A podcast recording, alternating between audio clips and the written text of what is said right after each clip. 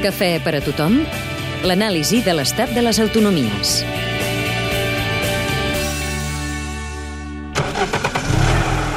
Tothom ho té clar.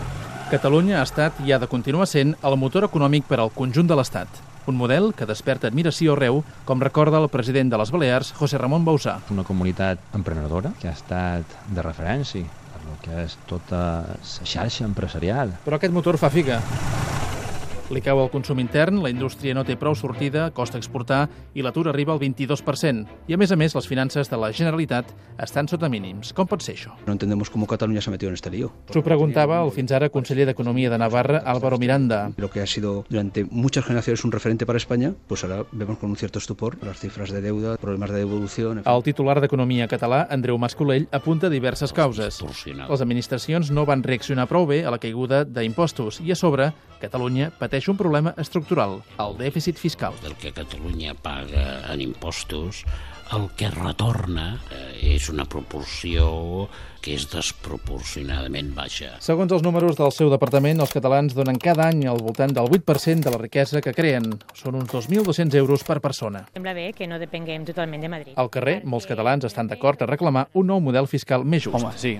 La distribució dels recursos... Demandes que pels carrers de les Espanyes tenen més o menys complicitat. Pues igual había que A Logroño. darles la oportunidad, invitarles, que se vayan y que miren a ver lo que pasa. O a Sevilla. No vull pagar, claro.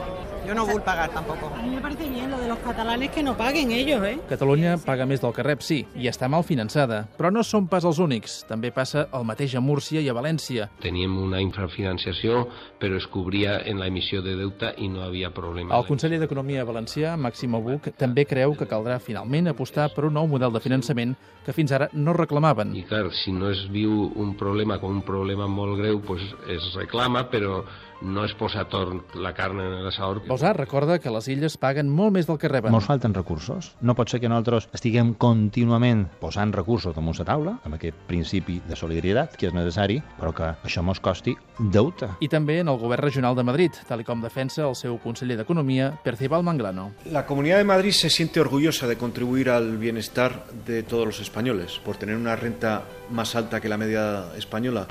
Però aquest orgull de generositat pàtria aquí no està tan estès. De fet, la quimera fiscal dels més sobiranistes a Catalunya és el model de bascos i de navarresos, amb taxes d'atur d'entre el 13 i el 16%. El cociente económico es un hecho diferencial y un hecho clave para el desarrollo de Euskadi. El conseller d'Economia basc, Carlos Aguirre, reconeix que hi ha avantatges, però fins a cert punt, especialment si cauen els ingressos.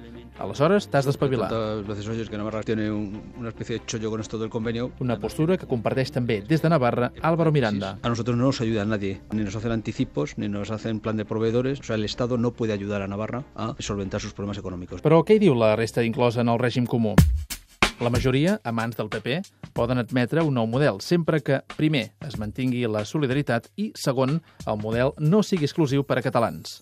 Les comunitats receptores ho tenen molt clar, ho diu el conseller extremeny d'Economia, Antonio Fernández. Ninguna comunidad autónoma de España debe ser más ni menos que las demás. Yo creo que, que somos, para bien o para mal, una nación. I la consellera d'Hisenda gallega, Elena Muñoz. Si en este momento tan delicado que estamos damos la sensación de ser un país lleno de fragmentaciones, lleno de intereses eh, localistas, ayudará muy poco a la confianza que tenemos que generar. El món acadèmic sol ser més flexible, com el catedràtic de Castella-La Manxa, Juan José Rubio. Creo que no repugnaría a nadie el hecho de que dentro de lo que es el marco constitucional español tenga una diferencial en cuanto a la gestión de algunos tributos que en este momento competen al Estado. I si Catalunya acabés aconseguint aquest nou model, ja se'n suma una conseqüència amb olor de cafeïna, com apunta el doctor en Ciències Econòmiques de Madrid, Alfonso Utrilla. Porque habría otras comunidades autónomas inmediatamente como Baleares, la Comunidad Valenciana o Madrid, que sería contribuyente neto, que también podrían amenazar. Alguns ho veuen com una amenaça, altres com una necessitat. ¿Cómo quiere usted el cafelito?